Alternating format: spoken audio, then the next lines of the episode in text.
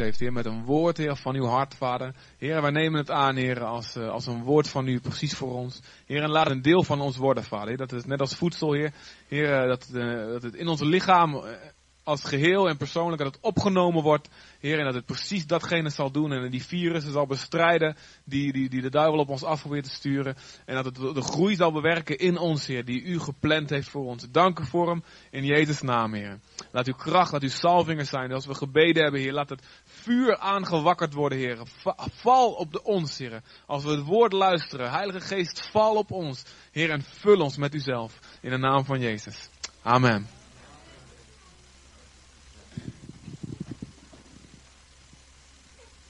Amen. Zo, goedemorgen allemaal. Als het goed is, uh, uh, kijk, hij zakt in, hè? Nou, zo. Zo kan ik ook nog wel bij. Hij mag, als het goed is, uh, hadden wij ook een filmpje gestuurd. Klopt dat? Hebben we die gehad? Leven en genezing geeft. Dit is, een, dit is een beetje... Ik geloof echt in de boodschap van Jezus die hoop, leven en genezing geeft. En jou en jouw geliefde. Ik had het voorrecht om al heel jong mijn passie voor Jezus wereldwijd te mogen delen. Ik mocht zelfs over hem vertellen voor meer dan een half miljoen mensen. Ik heb gezien hoe Jezus levens verandert. Hoe hij hoop geeft aan de hopelozen en zin geeft aan het leven. Hij heeft er echt alles aan gedaan om iedereen een geweldige toekomst te geven. Ik ben David de Vos en wij zijn Go Tell. We werken met een mooi team van prachtige mensen aan deze passie. We zijn jong en energiek en we gaan naar de meest afgelegen plaatsen onder de soms moeilijkste omstandigheden. We spreken een taal die iedereen kan begrijpen met alledaagse voorbeelden, zodat jong en oud Jezus kunnen vinden. Right. Nou, dat was even een korte introductie. Als je niet weet wie ik ben, dan heb je een beetje een idee wie ik nu ben. En uh, ja, je hebt al verklapt dat ik 30 jaar ben. Dat is afgelopen jaar gebeurd. Tijd gaat heel erg hard voor mijn gevoel. Ik ben uh, gelukkig getrouwd, inmiddels al 10 jaar. Dus dat is al, ook al best wel een tijdje. Uh, vader van twee fantastische jongetjes. Eén van zeven, één van vijf.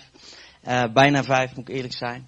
En in het dagelijks leven is dit wat ik doe. Spreken, um, mijn passie over Jezus delen met heel veel mensen. En er is niets lievers dan, dan dat. En ik vind het te gek dat ik ook hier mag zijn vanmorgen. En iets van mijn hart met je mag delen. Ik heb ontzettend veel zin in. En de boodschap die ik, um, uh, die ik ga brengen is een boodschap die ik in de afgelopen maanden heb beleefd. En waar ik heel erg doorheen ben gegaan ook zelf. Ik heb afgelopen maand, ik denk dat het was uh, december, heb ik een heel bijzondere ervaring gehad met de Heer Jezus. Daar ga ik zo meteen iets over delen. En ik ben ervan overtuigd dat, uh, dat wanneer de Heilige Geest ja, die vertaalslag naar je hart toe maakt, dat ook jij zult ervaren wat het is. Wanneer je echt dicht bij God komt, dan gaat je leven op de kop. Um, ik moet je wel een beetje waarschuwen, want als je echt serieus met God aan de slag gaat, dan komt er ook altijd heel veel serieuze aanval op je af.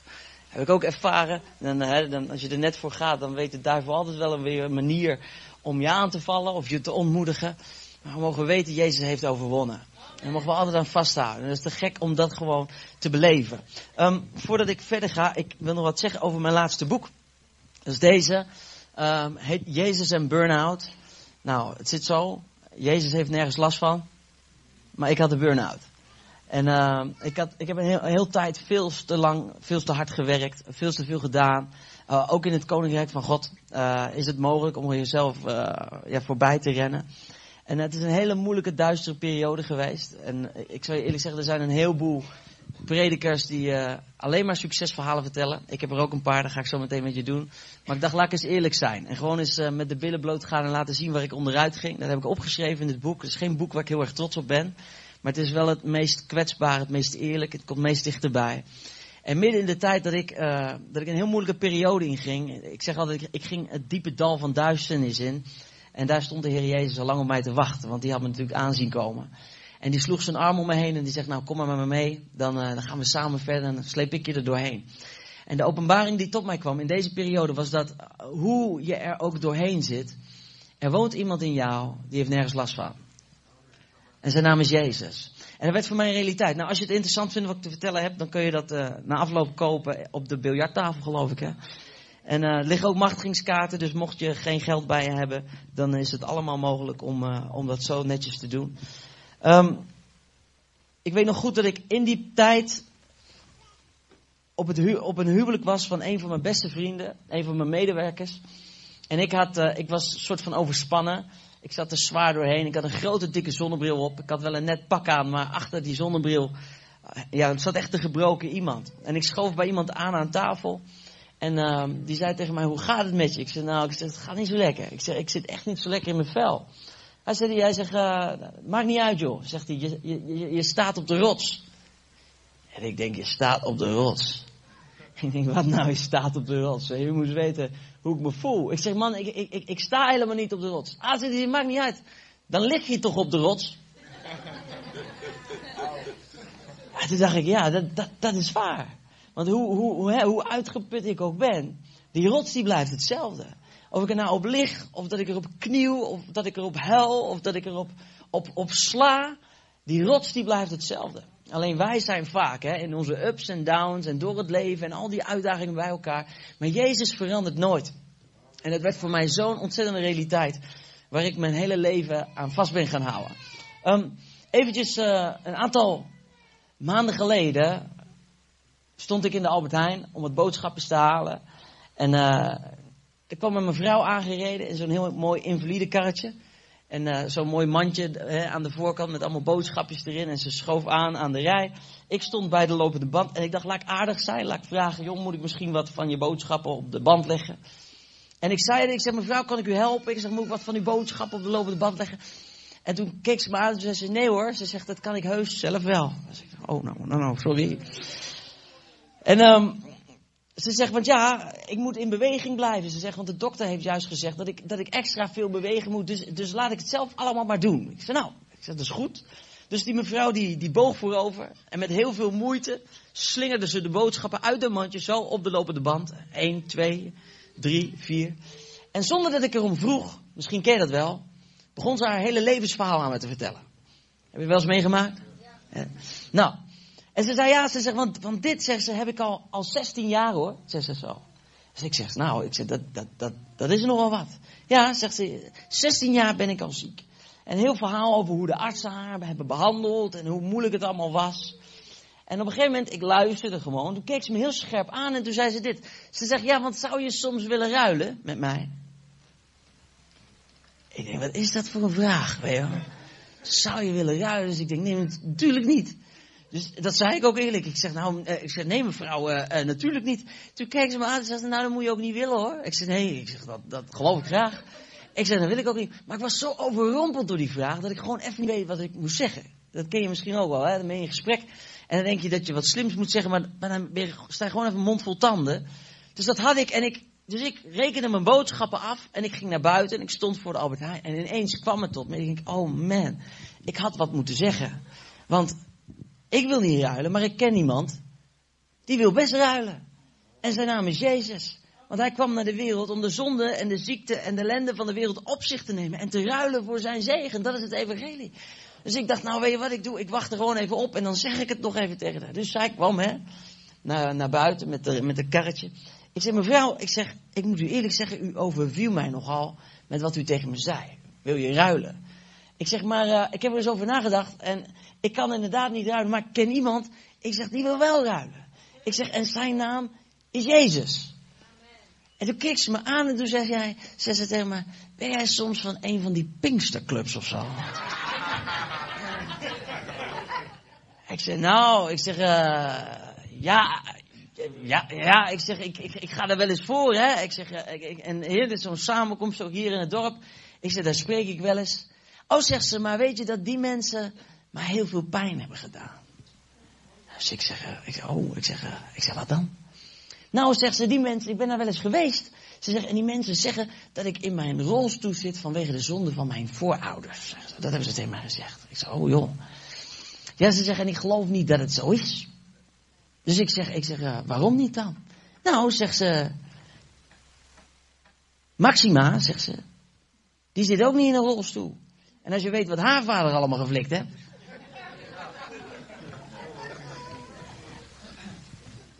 En daar sta je dan, hè, met je mond vol tanden en je goede gedrag.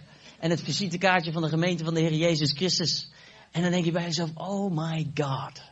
Wat hebben we soms een, een, een na imago met al onze goede bedoelingen. Hè? Want ik, ik kan me niet voorstellen Dat iemand die dat tegen iemand zegt, uh, het goed bedoeld heeft. En toch kun je er iemand mee kwetsen. En toen dacht ik erover na en dacht ik, ja, dat is zo niet, denk ik, zoals de Heer Jezus zou zijn hè, in onze samenleving. Hij zou een magneet zijn voor mensen in nood, want dat is wie hij is. En uh, het raakte mij en ik vroeg aan die mevrouw, ik zeg, joh, mag ik toch voor je bidden? Nou, ik mocht voor de bidden, maar dan wel thuis, weet je wel, niet daar op dat moment. En, uh, maar dat raakte mij en daar dacht ik over na. Ik dacht, ja, dat is dan, hè, dat zijn wij, het lichaam van Jezus Christus. En uh, laten we het zo zeggen, je moet maar net een goed persoon tegenkomen, wil je een leuk idee bij christenen krijgen.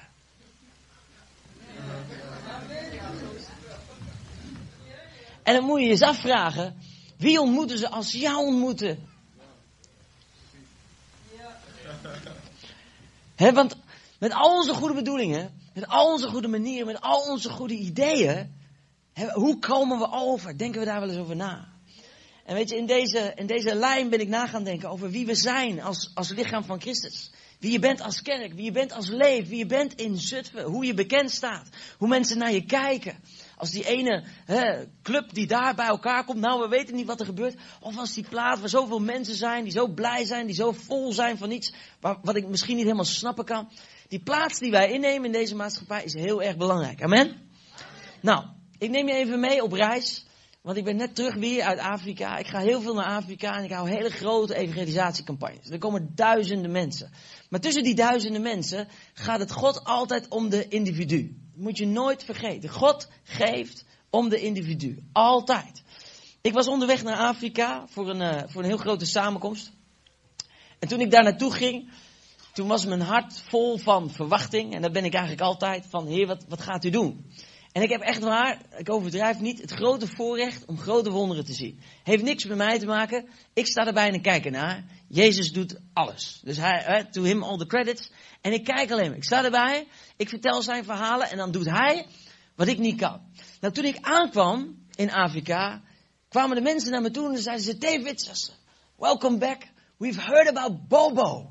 En ik zeg, we've heard about Bobo. Ik zeg, what about Bobo? Bobo di Lassau is een stad waar ik in het voorjaar, vorig jaar ben geweest. We hebben een grote campagne gedaan. En de mensen zeggen, we, we hebben gehoord van wat er in Bobo is gebeurd. Dus ik zeg, ik zeg nou, ik zeg, wat, wat happened hè, dan in Bobo? En hij begon een verhaal te vertellen. Hij zei, uh, kun je nog herinneren? In een van de samenkomsten kwam er een meisje uit de rolstoel. Nou, dat, dat was gebeurd, dat kon ik me nog herinneren. Uh, derde of vierde samenkomst, ik weet niet eens meer precies. Maar er kwam een dame en zij had zo'n fiets met zo'n ding die ze zo, uh, zeg maar, zo moest fietsen met de handen. En zij kwam uit die rolstoel en ze had hele dunne beentjes. En ze stond echt nog een beetje te zwabberen. Maar ze had een glimlach van oor tot oor. Echt van oor tot oor. Een big smile. En ze vertelde dat Jezus iets voor haar had gedaan. Ik had er op het podium en het was een wonder, daar ga ik heel eerlijk met je zijn. Waarvan ik dacht, nou, dat ziet er nog niet zo heel erg best uit. Weet je wel? Je staat wel, en dat is op zich natuurlijk een wonder, want ze had volgens mij 15, 16 jaar niet gestaan. Maar het was nog niet heel erg sterk. Ze moest nog leunen op de armen van anderen, in handen van anderen. Dus ik denk, ja, mooi wonder, maar uh, uh, hopen dat het uh, goed afloopt, zeg maar. Dus ik had gezegd, God zegen en tot ziens. Nou, wat blijkt, dat meisje was moslim. En ze was niet alleen moslim, ze was ook nog eens een keer de dochter van een imam uit de stad Bobo.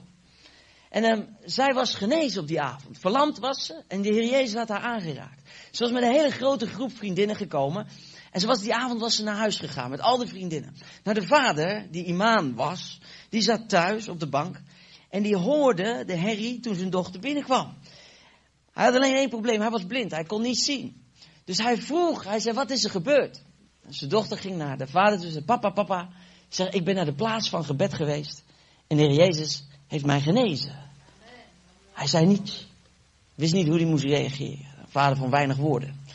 Maar weet je wat hij gedaan heeft? De volgende dag is hij naar de campagne gekomen. Niks tegen iemand gezegd. Hij stond ergens achterin op het veld. Ik heb het nooit geweten, nooit gehoord. Weet je wat er gebeurt? Zijn ogen gaan open. De Heer Jezus raakt hem aan. Hij is niet bij mij op het podium geweest om het te komen te vertellen. Hij was een moslimimam in de stad. En vandaag de dag is dit verhaal, noemen ze het grote wonder van Bobo. En iedereen heeft het erover. In één kerkelijke stroming waren er meer dan duizend dopelingen nadat we weg zijn gegaan. Dus de Heer Jezus heeft fantastisch mooie dingen gedaan. Dus ik kwam aan in Afrika, onderweg naar mijn volgende campagne, toen ik deze woorden hoorde. Ik denk, wauw, wauw, dienen we een grote God. En ik zal je heel eerlijk zeggen, ik ben er lang achter, daarom kan ik het ook zo ontspannen zeggen, dat het niets met mij te maken heeft. Dus ik zeg, Heer, ik zeg, wat bent u groot en wat is het mooi. En ik ben benieuwd wat u nu weer gaat doen. Nou moet je opletten wat er gebeurt. Onderweg naar de stad Sincassé, denk ik bij mezelf, het zou zomaar eens heel gek kunnen gaan. En eh, eh, als, als Jezus de blinde ogen opent, hè, Jezus kan ook de doden opwekken. Ik denk voor hem is de sky the limit. En voor hetzelfde geld gebeurt er zoiets ineens eens een keer. En dan, en dan voor je het weet is het gebeurd. Dat was gewoon mijn gedachte. En ik kwam aan in, in, in, in en er stond een hele groep vrouwen, voorbidders, stonden ze op te wachten. En die begonnen God een lof prijzen en te doen. Ik werd uitgenodigd om bij de koning, de chief thuis te komen, die was ziek, of ik voor hem wilde bidden. En al direct in die hele omgeving merkte je, de Heer Jezus is iets aan het doen in deze plaats. En um, er gebeurden fantastisch mooie dingen. Nou, de eerste samenkomst waren er, ik denk, ik schat een aantal duizend mensen. En er was een jongetje, dat was het, een van de grootste wonderen die mij diep raakte. Doofstom geboren, jaar of zeven, acht. En hij, zijn oren gingen open. Zijn vader kwam hem brengen. En die, die, die, die was helemaal emotioneel. Moet je je voorstellen dat je kind niet kan horen en dat gebeurt zomaar ineens. En die hele samenkomst, die ziet dat. Mensen beginnen God de lofprijs en te danken. Ik ga terug naar mijn hotel. Ik zat echt in een of andere... Uh, ik, verblijf niet in de Best West Inn, want dat hebben ze niet gewoon. Het is allemaal heel remote, heel ver weg. Dus het is allemaal armoedig. En ik zit in mijn hotel en ik begin na te denken over alles wat de Heer Jezus heeft gedaan. En um, dit is wat er gebeurt. Ik ben op mijn kamer en ik lees een boekje van uh, een heel bekende evangelist Theo Osborne. En, en, en, en, de titel van het boek is God's Great Love Plan. En daar begint hij uit te leggen hoe de wereld eigenlijk verdorven is door de zonde. En hoe de kuur voor de wereld is, is het kruis. Alleen God kan al de dingen nieuw maken. Wat mij overigens doet denken, ik weet niet of je wel eens naar de radio luistert, maar dat doe ik wel. Ik hou ervan om naar BNR te luisteren of zo. Ik ben geen ondernemer, maar ik vind dat altijd heel interessant. En dan hoor je alles over duurzaamheid. Hè? Duurzaamheid, groene energie, zonnepanelen, elektrische auto's en, en, en, en, en, en. Terwijl de wereld gaat achteruit, niet van, vanwege de vloek van de zon. De mensen hebben dat niet door. En dan proberen ze te bestrijden met allerlei goede ideeën en allerlei goede initiatieven. Maar de echte kuur voor deze wereld is het kruis. En dat moeten we altijd blijven brengen, want dat is de enigste vorm van hoop die de wereld echt heeft. Met al de dingen die we eh, zouden willen proberen, is dat het allerbelangrijkste. Nou, even terug. Ik lees twee verhalen in het boek over twee bedelaars. Een bedelaar die gewoon door het stof ging. En de Heer Jezus die sprak tot die evangelist en die zei, haal hem naar voren. Er waren honderdduizenden mensen. En God zei, hou van hem, raak hem aan, heb hem lief. Voor, dat iedereen ziet dat ik van mensen hou, dat ik mensen wil herstellen. En ik werd zo geraakt door die verhalen. En werd zo, ik werd daar zo door geïnspireerd. En die avond ging ik naar het campagneterrein. En de Heilige Geest die fluistert in mijn hart. En zegt tegen me, David, zegt hij, heb ze lief. Hou ze vast. Raak ze aan. Laat zien hoe waardevol de mensen hier voor mij zijn. Als ze komen, raak ze aan. Hou ze vast. Doe zoals ik zou hebben gedaan. En wat er gebeurt is, er komt op een gegeven moment een jongen op het podium. Samen met zijn broer. En zijn broer die vertelt een verhaal dat zijn broer op sterven lag. Hij was op sterven na dood. En uh, hij was hartstikke ziek. En weet ik wat, wat, wat had hij al? Hij had hem achter op zijn brommetje gelegd. Meegenomen naar het campagneterrein. Ergens achterin was hij door de kracht van God aangeraakt. Maar toen ik naar die jongen keek, hij zag er niet uit. Hij zat helemaal onder de schilfers.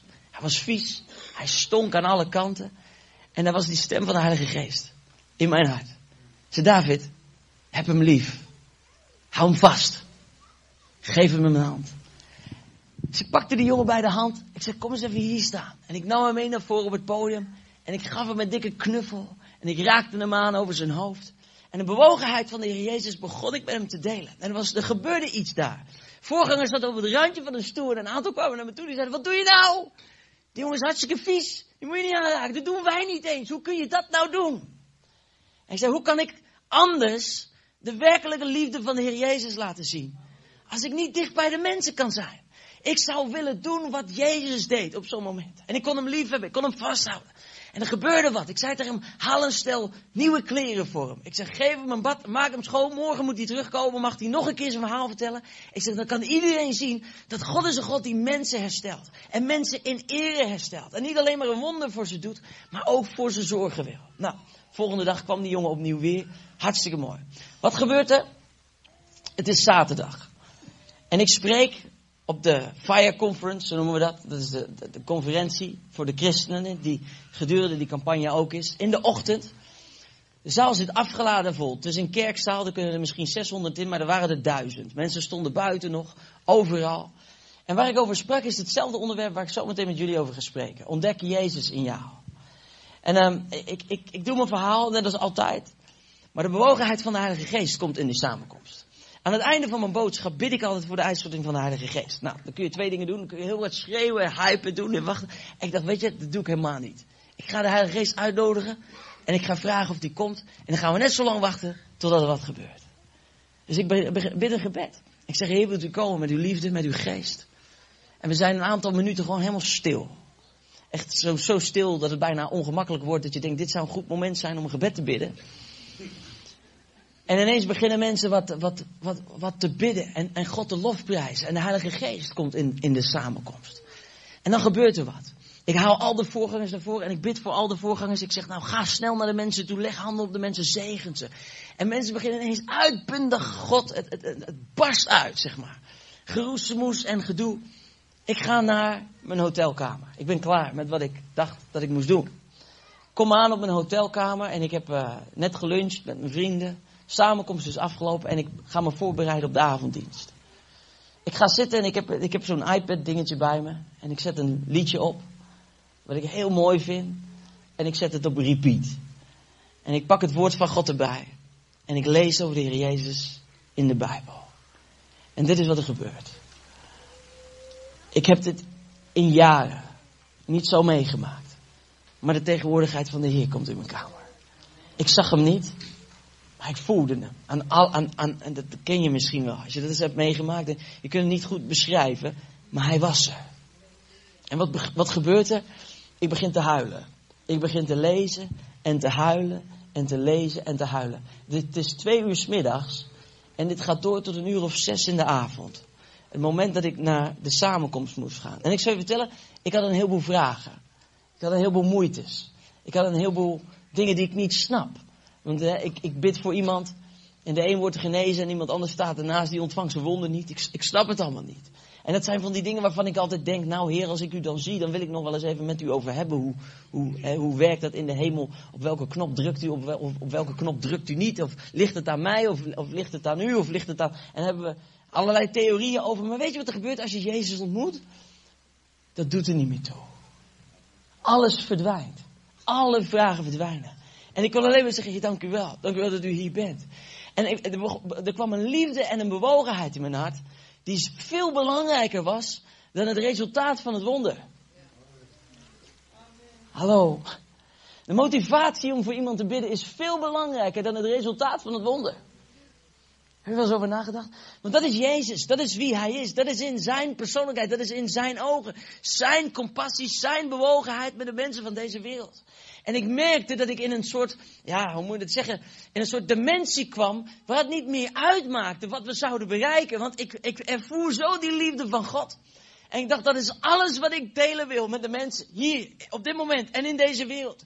En uur na uur, moment na moment, was ik zo dichtbij, heb ik zo gehuild. En ik voelde van binnenuit dat ik aan het veranderen was. Want dat doe je alleen als je heel dicht bij Jezus bent. Ik stap die avond uh, de auto in om naar de campagne te gaan. En mijn, uh, mijn, ja, mijn beste vriend en de jongen die voor me werkt. Ik zeg tegen hem, ik zeg, joh, ik, ik heb zo'n ontmoeting met God gehad vandaag. En hij kijkt me aan en hij zegt tegen mij, jij ook al, zegt hij. Hij zegt, ik heb op mijn hotelkamer zitten huilen. Ik zeg, ik zeg, ik, zeg, ik ook. Gingen samen naar de samenkomst. En we kwamen eraan, ik stap het podium op en ik zeg, lieve mensen, Jezus is hier. Ik zeg, en dat is alles waar het om gaat vandaag. En zijn tegenwoordig, zijn bewogenheid kwam daar zo ontzettend raak naar beneden. Nou, wat een fantastische dienst. En einde van de dienst komt die vriend van mij het podium op met een echtpaar. En een klein jongetje op hun arm. En uh, ik sta hier, hè, Er staan zo'n 10.000 mensen voor me. En ik ben bezig de getuigenissen te, te, horen van wat God heeft gedaan. En hij zegt tegen me, David, zegt hij, hij zei, ik weet niet of ik het goed heb gehoord, zegt hij. Maar ze zeggen dat dit jongetje dood was. Ik zeg, wat zeg je? Hij zei, ik weet niet of ik het goed heb gehoord, zei hij. Hij zei, maar ze zeggen dat dit jongetje dood was. Ik zeg, hè? Hij zei, nee, vraag ze zelf maar. Dus ik haal die mensen, ik zeg, uh, ik, zeg ik, ik, ik, uh, ik, ik hoor dat u iets wonderbaarlijks heeft meegemaakt. Ja, ja, zeggen ze. Ik zeg, wat is er gebeurd? En ze begonnen mij een verhaal te vertellen, wat ik gewoon moeilijk vond om te geloven. Sta je dan, hè? Geloofsheld. Ik ben, ik ben, de man van God. Maar ik zal je vertellen, ik zal heel eerlijk met je zijn. Ook ik vind het soms moeilijk om te geloven. Dat je, dat je gewoon, ik, ik kon het niet bevatten. Dit is wat ze vertelden. Dat is een echtpaar. Ze waren een moslim-echtpaar. Ze kwamen van de andere kant van de stad. En ze hadden een jongetje. Ik schat hem een jaar of zes, zeven. En um, die was doodziek. Was aan het overgeven en aan het doen. En het was niet te stoppen. En ze kende een van de voorgangers uit de stad, via via, en die belde ze op. Ze zei, wat moeten we doen? En toen zei de voorganger, hij zegt, breng het jongetje naar de campagne. Dan gaat Jezus hem aanraken. Toen hebben ze hem meegenomen naar de samenkomst op zaterdagochtend. Op het moment dat wij die conferentie hadden. Ik wist niet dat ze aankwamen. En toen hebben ze meegenomen en toen ze daar aankwamen was het jongetje er zo slecht aan toe dat het ter plaatse overleed. Dus het verloor zijn ademhaling, hij werd koud. En uh, hartslag was weg. En die moeder en vader waren compleet in paniek. Toen hebben ze het jongetje overgegeven in de handen van een aantal voorbidders. En die begonnen te bidden, God te geloven dat God een wonder zou doen. Nou, dat gebeurde allemaal tijdens het moment dat ik bad voor de uitstorting van de Heilige Geest op het podium. Ik had geen flauw idee van wat er aan de hand was. Dus het heeft helemaal niks met mij te maken. Dat allereerste, dat is het allerbelangrijkste. Maar tijdens dat ik bid, dat de Heilige Geest begint te vallen, komt het jongetje terug tot leven. Voorbidders nemen het jongetje, geven het terug in de, in de armen van de ouders. Moslim-echtpaar. Dat is het getuigenis wat ik hoor. Ik kom terug op mijn hotel en ik zit aan tafel en ik vraag aan mijn fotograaf. Ik zeg, geloof jij het? Weet je wat hij zei? Nee. In eerste instantie niet. Ik denk, wat ben jij nou voor een geloofsheld? He, we geloven God voor grote dingen. Ik zeg, dan gebeurt het. Ik zeg, dan geloven we het niet. En ik denk bij mezelf, oh my god, wat moet ik nou doen? Want als ik dit op, op, op internet schrijf, jongetje terug uit de dood. Ik zeg, nou, dan valt de hele wereld over me heen. Ik zeg, ze hangen me aan het kruis in Nederland. Ik zeg, het staat morgen in elke krant. Ik zeg, nee, meneer de Vos zegt zo en zo en zo. Ik denk, heer, ik zeg, ik zeg, maar ik wil u ook de eer geven. Want ik begon na te denken. Ik dacht, wat hebben twee moslims er nou aan om Jezus de eer te geven voor iets wat hij niet gedaan heeft? Dat is zelfs levensgevaarlijk, weet je dat? Om op een podium te gaan staan en te zeggen, God heeft grote dingen gedaan. En wat die man zegt is waar, want wij hebben dit en dit meegemaakt. Dus ik dacht, het, er, er, klopt iets niet aan dit verhaal. Dit, dit moet kloppen. Vervolgens hoor ik iemand roepen, ja, hoeveel bewijs had je dat hij echt dood was? Zo. En toen dacht ik bij mezelf, ja, het dochtertje van Jairus was ook geen doodcertificaat van. Want de Heer Jezus, die was onderweg. En ze was ziek. Maar ze overleed tijdens dat hij onderweg was. En toen zei hij, joh, maak je geen zorgen, want ze slaapt alleen. En ineens begon ik al die dingen naast elkaar te zeggen. Jezus zegt het in Matthäus, dat die dingen zullen gebeuren. En ik begon het met mijn hart te geloven. En ik heb het heel, ik heb het heel uh, netjes, een beetje verkapt heb ik het beschreven. Op, je, je moet maar lezen, je kan het zien op mijn website. Maar het staat er wel. En ik werd er zo diep door geraakt. En ik zal je wat vertellen. Het moment dat het gebeurde, gebeurde op het moment dat ik sprak over Jezus in jou.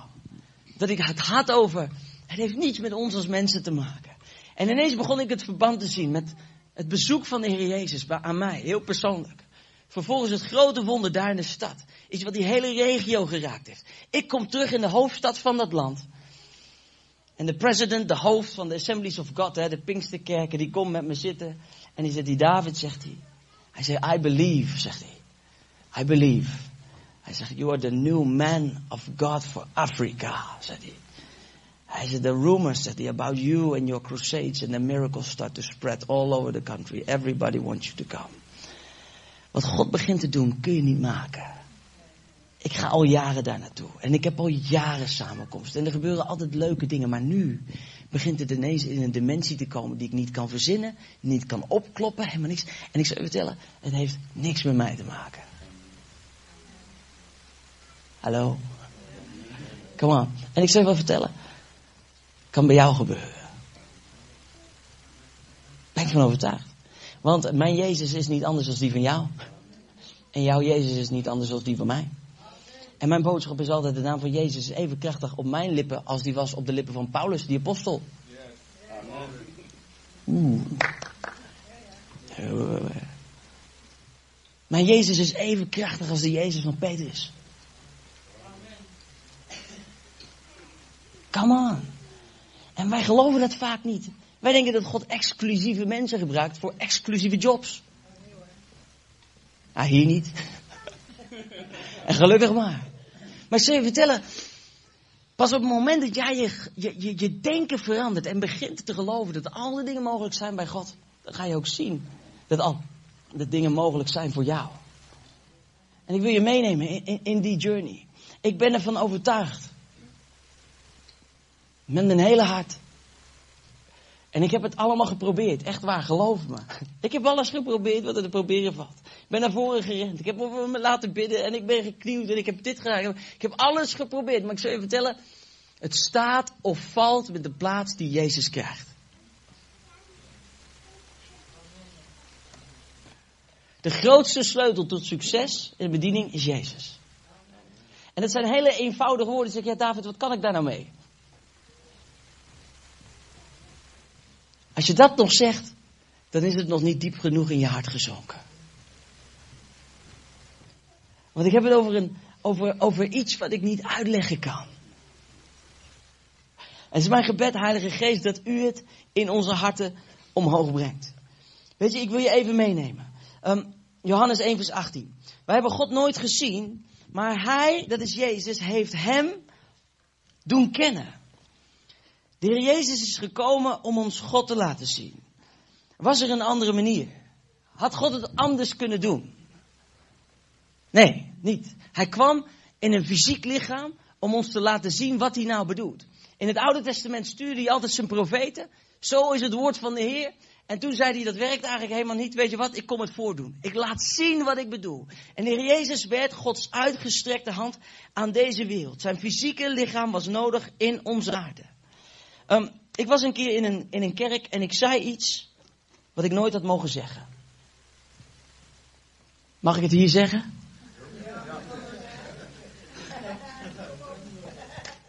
Mensen waren boos op me. Na afloop kwamen ze naar me toe. Ze zeiden, ja, maar dat kan je niet. Nou, nou, bepaal zelf maar. Ik zei, in deze wereld is God nergens zonder ons.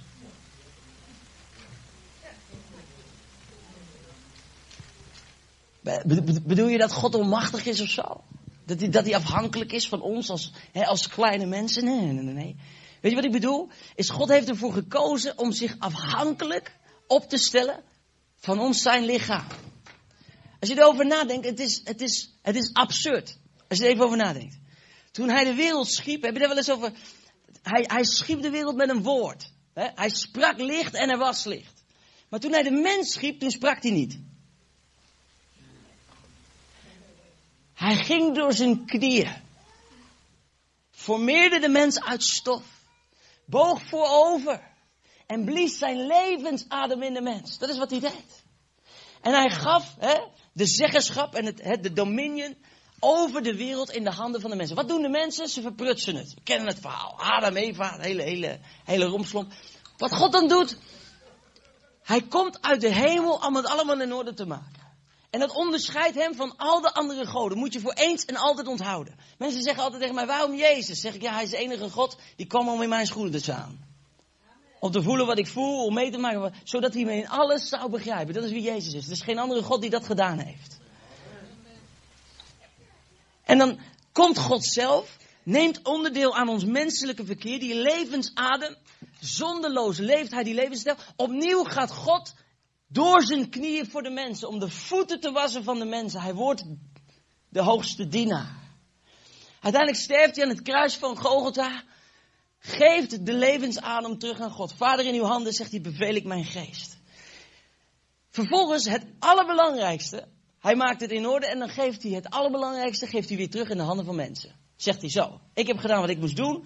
Ik ga zitten aan de rechterhand van de vader. Nu zijn jullie weer aan de beurt. Ga en geef door. In de eerste instantie gaf hij de zeggenschap over de wereld in de mensenhanden. Dat ging niet helemaal goed. En nu geeft hij de verkondiging van die boodschap van hel weer terug aan de mensen. Hij heeft opnieuw 100% vertrouwen in ons. En hij zegt niet, nou jullie het eens verprutst, nou ik, ik geef jullie nooit geen vertrouwen meer, dat, dat, dat, ga ik ook niet doen. Nee, maar geeft het weer helemaal opnieuw aan jou en aan mij. In andere woorden, wij zijn zijn lichaam, zijn vertegenwoordigers hier. De Bijbel zegt het ook, 1 Korinthe 6 vers 19, je lichaam is een tempel van de Heilige Geest. Ik was eens een keer op straat aan het evangeliseren in Frankrijk. Parijs, downtown. En ik zou je zeggen, wij zeggen altijd Nederland is harde grond. Nou, dan moet je eens naar Frankrijk gaan. En ik was gefrustreerd, joh, want iedereen die ik sprak, die wilde niks van me weten of niets over mijn God weten. En ik ging terug naar mijn kamer en ik zat op de rand van mijn bed. En ik zei tegen mijn vriend, ik zeg, man, ik, ik, ik, ik zie het niet zitten, joh. Ik zeg, uh, niemand, ik zeg, waarom heeft God het allemaal zo moeilijk gemaakt? Ik zeg, uh, eerst moet je een verhaal vertellen, dan moeten ze dat verhaal geloven. En pas als we het geloven, dan pas hebben ze redding, dan moet je ook nog voor ze bidden. Ik zeg, dat zijn zoveel stappen. Ik zeg, had God het niet wat eenvoudiger kunnen doen? Hij zei, hoe bedoel je? Ik zeg, nou, gewoon een lichtkrant in de hemel. Hè? Ik ben God, neonverlichting. Kom tot mij, alle die vermoeid en belast zijn, ik zal jullie rust geven. Ik zeg, ik zeg je, als hij die elke avond aanzet, ik zeg, moet je zien hoeveel mensen er tot bekering komen. Toen keek die man, toen zei hij dit. Hij zei, ben jij nou een evangelist? Pruts, evangelist, zei hij. Hij zegt, snap je het dan niet? Ik zeg, hoe bedoel je? Hij zegt, jij bent die lichtkrant. God heeft een veel betere lichtkrant bedacht. Hij zegt, maar dat ben jij. Hij zegt, en als jij je lichtje niet schijnt, hij zegt, nee, dan kan de wereld Jezus niet zien. Er was een clubje vrouwen aan het bidden elke week voor het behoud van een zuster verderop in de straat. Elke week, oh Heer, wilt u haar ziel redden? En ze baden vurig, elke week weer. Op een dag kwam de evangelist langs in het vrouwenclubje om een woord eh, ter bemoediging te spreken. En ze zeiden, meneer de evangelist, wij bidden elke week voor het behoud van die en die zuster op de hoek van de straat. Oh, dit is fantastisch. Hij zegt, maar uh, hoe vaak ben je al langs geweest? Ja, dat, dat, dat, dat hebben we niet gedaan. We, bidden voor haar. Ja, zegt hij, maar uh, hoe vaak heb je al een bloemetje gebracht?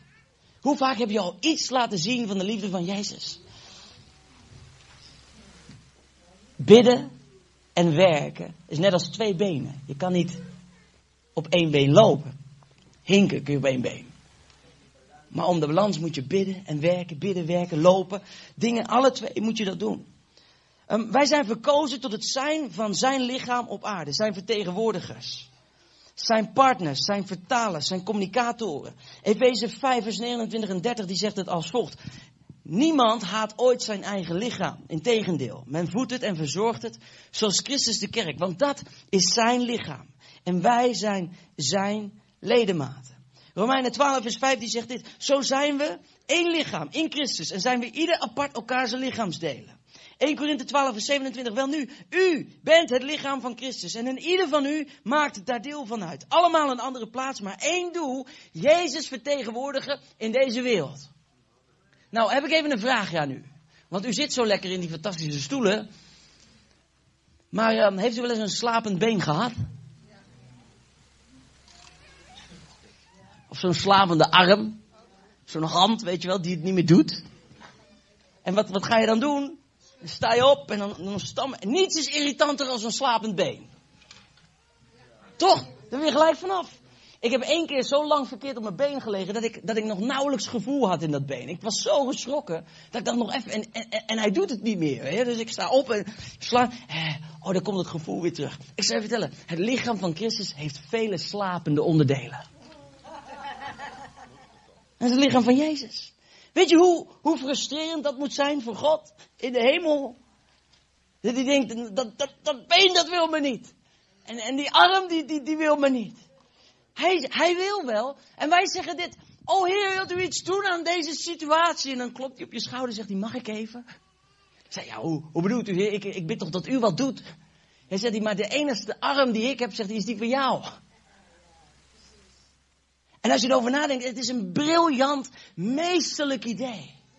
Want Jezus kon maar op één plaats, op één moment, op dezelfde tijd zijn. Vandaag tellen de christenen ongeveer 2 miljard mensen. Stel je voor dat zij allemaal in deze wereld zo zouden zijn als Jezus.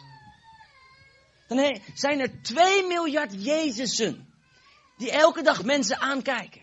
Elke dag mensen aanraken. Elke dag mensen bemoedigen. Elke dag een boodschap van hoop verkondigen.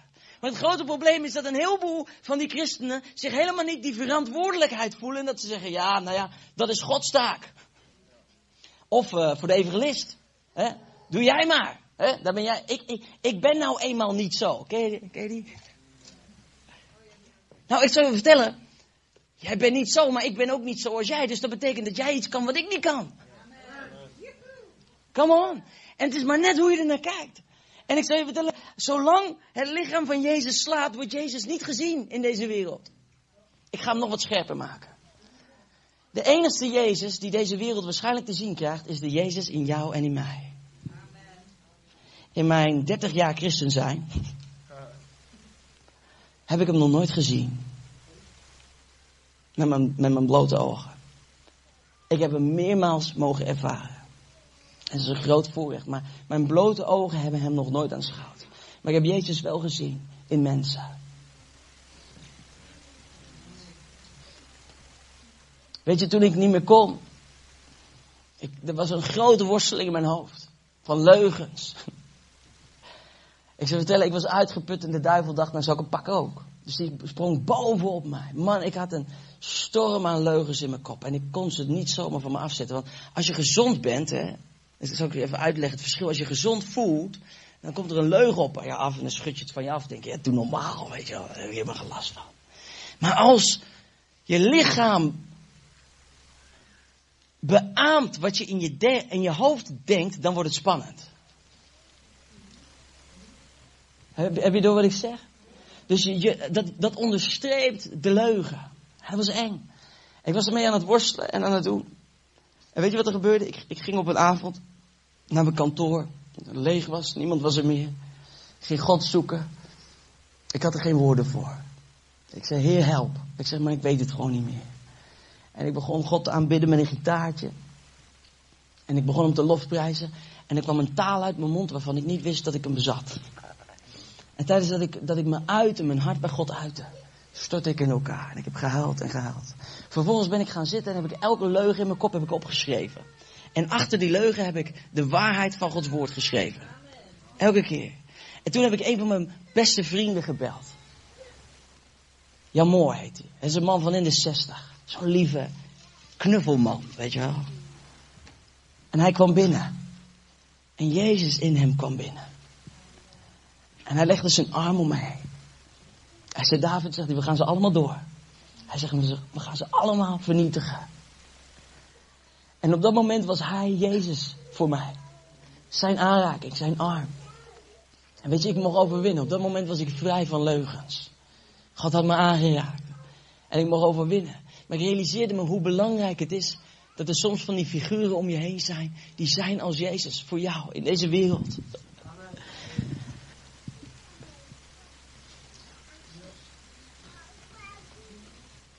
Colossense 1 vers 27 zegt dit. Is een zo bekende tekst. En we hebben het zo vaak gehoord. Maar leeft het ook voor je? Kijk, er staat, aan hen heeft God bekend willen maken hoe glorierijk dit mysterie is voor alle volken. Christus in u, hij is de hoop op goddelijke luister.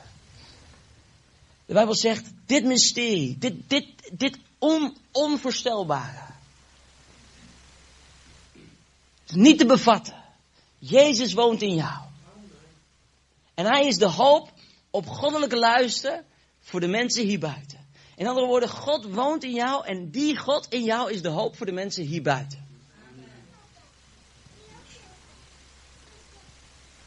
Als je wilt dat Zutphen Jezus gaat zien, dan moeten ze Jezus zien in jou. En dat lukt niet alleen door een preek. Helaas. Als je erover nadenkt.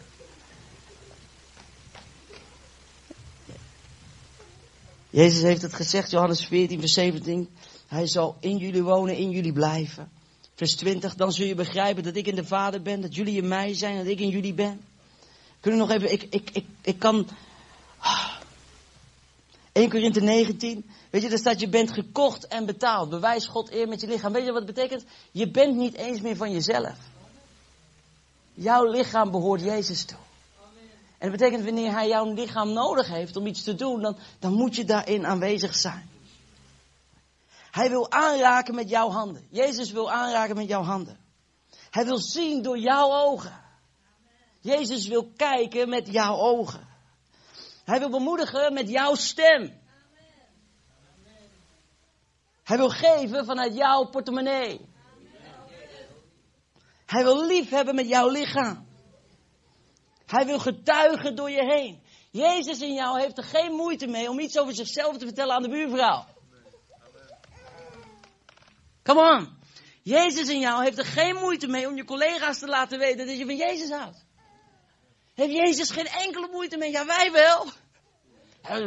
Allerlei moeites, dit, dat. Maar ik zou je vertellen, de kracht ligt hem op het verleggen van de focus. Als je je richt op de focus met alles wat je niet kan en alles wat je moeilijk vindt, dan blijft het moeilijk, blijft het altijd lastig. Maar wanneer je richt op Gods oneindige kracht, wanneer je realiseert, die woont in mij, dat betekent, hoe ziek je ook kan zijn, er woont iemand in jou die heeft nergens last van. En zijn naam is Jezus. Hoe hopeloos je ook kan voelen, er woont iemand in jou die geeft de hoop nooit op. In Hooglied staat zo mooi, wie is dat? Die komt daar vanuit de woestijn, leunende op haar geliefde. Hij heeft vast aan de Heer Jezus. Zo mooi. Er woont iemand in jou. Die is nooit met zijn verkeerde been uit bed gestapt. Come on. Je kan mood swings hebben, je kunt het lastig hebben, maar Jezus in jou verandert nooit. Hallo. Hallo. Maar ik moet je wat zeggen. Ik zal nog wat zeggen. Er is nog iemand in dit universum die nergens is zonder een lichaam. En dat is de duivel. Wist je dat? Ook hij heeft mensen nodig om zijn boze werken doorheen te werken. Ik bedoel, kijk eens even naar opsporing verzocht. Dan ga je je deur s'avonds op slot doen hoor. En als je die dingen ziet, dan denk je bij jezelf, man, het is gewoon duivels wat mensen elkaar aandoen. Nou, dat is precies wat het is. duivels, dat is wat het is.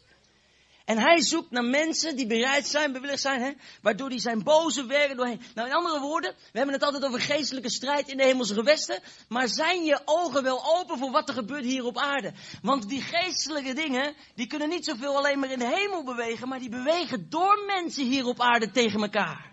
Dat is waar het, dat is waar het God om gaat. Het grote dambord gaat om mensen. En dat is waar de duivel mee bezig is. Dus zijn koninkrijk vermeerdert door de duistere dingen die hij doet. En het koninkrijk van het licht wordt alleen maar groter als de christenen gaan wandelen in de werken van de Heer Jezus. In andere woorden, God is op een goede manier wel degelijk afhankelijk van jou en mij. En ik ben hier niet gekomen om je schuld aan te praten en te zeggen, wat doe je nou? Maar ik ben hier gekomen om je uit te dagen. En tegen je te zeggen, geloof je wel, heb je door wie je bent? Heb je door welke verantwoordelijkheid God in onze schoenen heeft gelegd? Heb je door hoe Hij hoopt, hoopt voor jou? Ik zal je vertellen, ik was op een dag aan het vissen onder de brug. En uh, er kwam een man aangereden en die zag er hopeloos uit. Zo'n kerel, zijn haar zat helemaal door de war. En ik zag het aan hem. Ik denk, man, die kerel die ziet het niet zitten. En ik dacht bij mezelf, die man die moet Jezus leren kennen. En uh, weet je wat ik doe? Met mijn vrome toeter gezegd. Ik bid, oh Heer, geef me een opening. En die man stapt in de auto en die rijdt weg. En ik denk bij mezelf, oh Heer, geef me een opening. De enige die een opening had, dat was ik. Want God zat in de hemel en ik was daar. Ja. Nou, God is genadig. Daar ben ik van overtuigd. Maar op dat moment had ik het verlengde stukje arm van de Heer Jezus kunnen zijn. En ik weet niet of je hem kent, maar ik wil, ik wil je even prikkelen. Er zit in, ergens in jou zo die, die, die hele stille stem. Ken je die hele stille stem? Dringt zich niet op, maar die geeft af en toe een suggestie.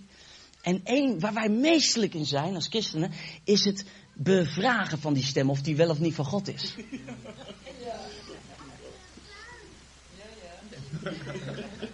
De meest vrome excuses hebben we dan.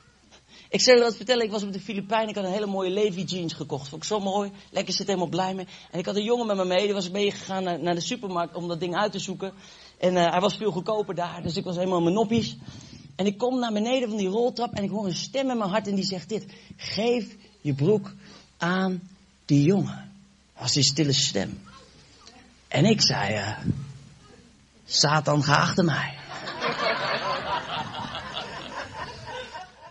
Toen ineens dacht ik bij mezelf, hé, hey, maar de duivel is niet zo vrijgevig. Ik, dat, dat, dat, dat, dat, dat. Ik, het is een heel eenvoudige check, hè.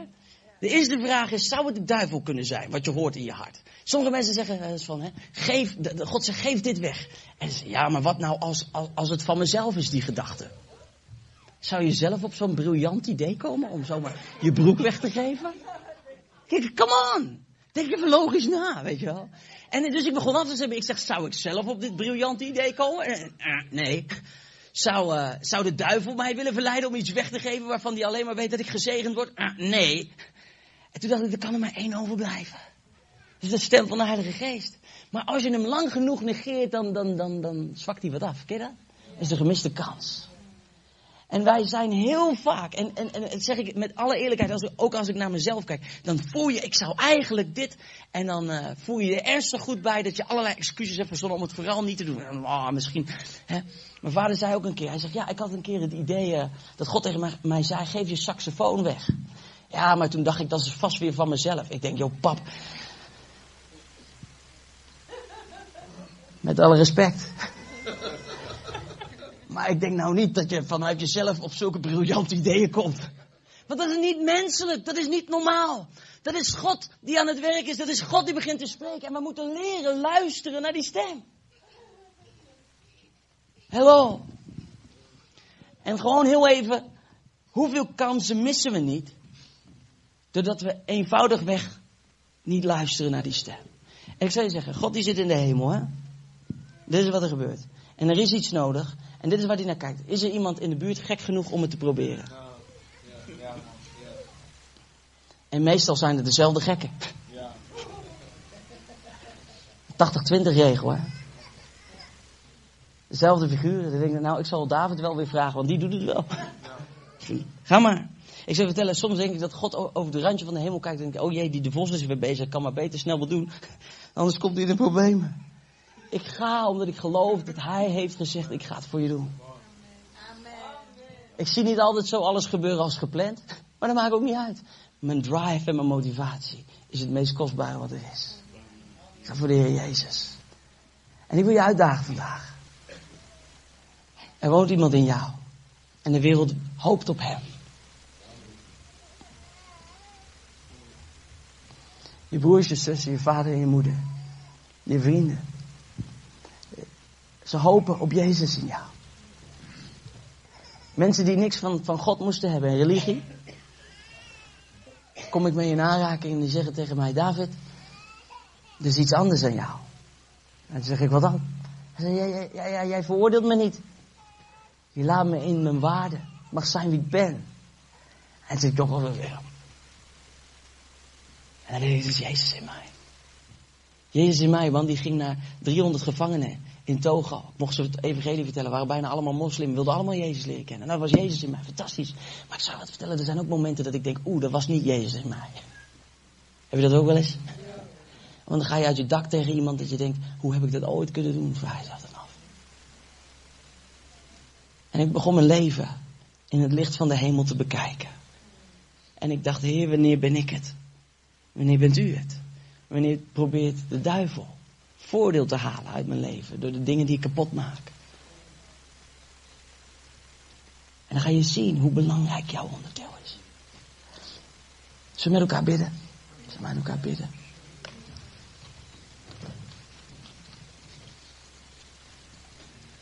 Als je kunt mag je gaan staan. Ja, als je kunt mag je gaan staan.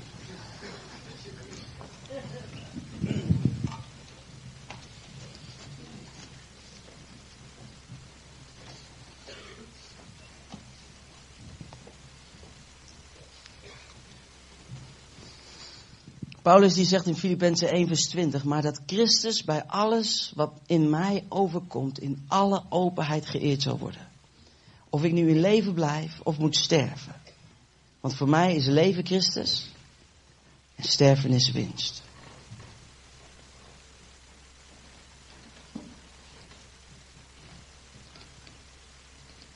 Zullen we onze ogen sluiten? Vader in hemel. Kunnen ons nauwelijks voorstellen, Heere God, wat de beladenheid is van deze woorden.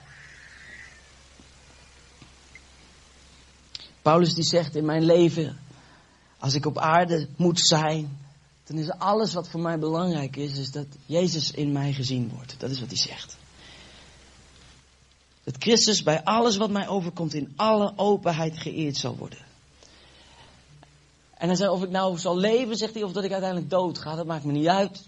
Als Jezus maar gezien wordt, zegt hij, want als ik leef, dan draait het om Jezus, maar als ik sterf, dan ben ik er klaar mee en mag ik altijd bij hem zijn.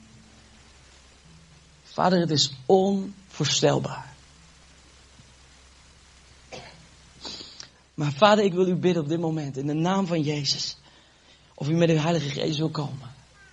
In deze samenkomstzaal. Op dit moment wilt u komen, wilt u neerdalen.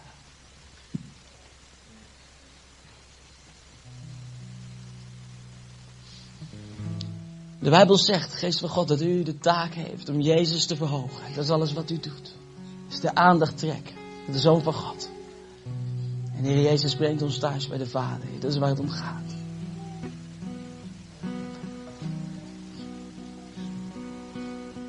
Vader in de hemel, hier zitten zoveel lieve mensen.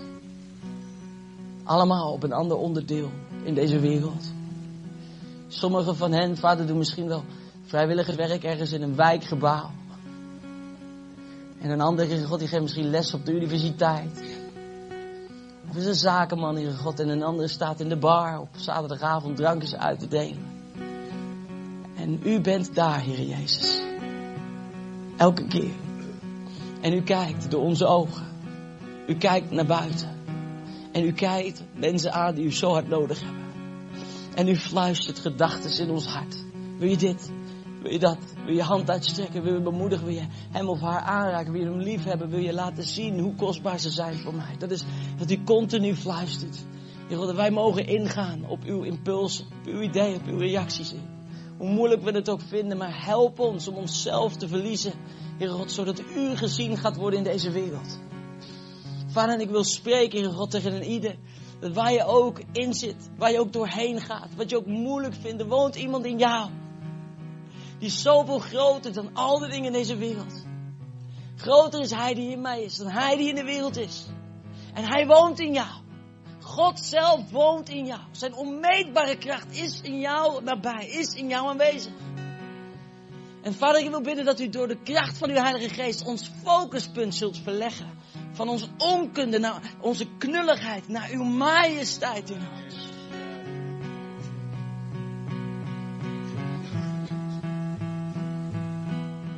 Vader, dank u wel, Heer God, dat een boodschap is.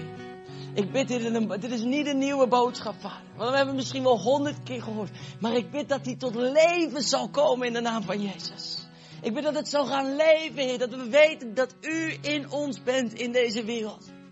En dat de wereld wacht totdat ze u zien door ons heen. Dat ze iets van uw liefde mogen proeven.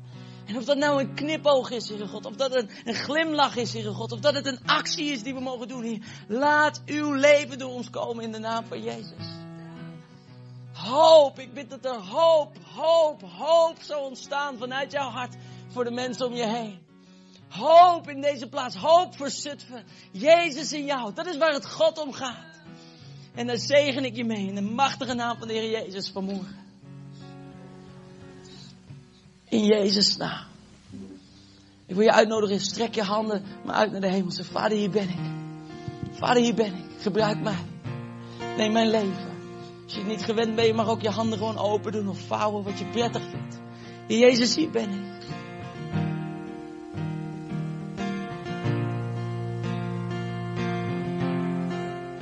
Als je een gebed hebt op je hart, ik daag je uit, spreek het uit naar God. Wijd je toe op dit moment.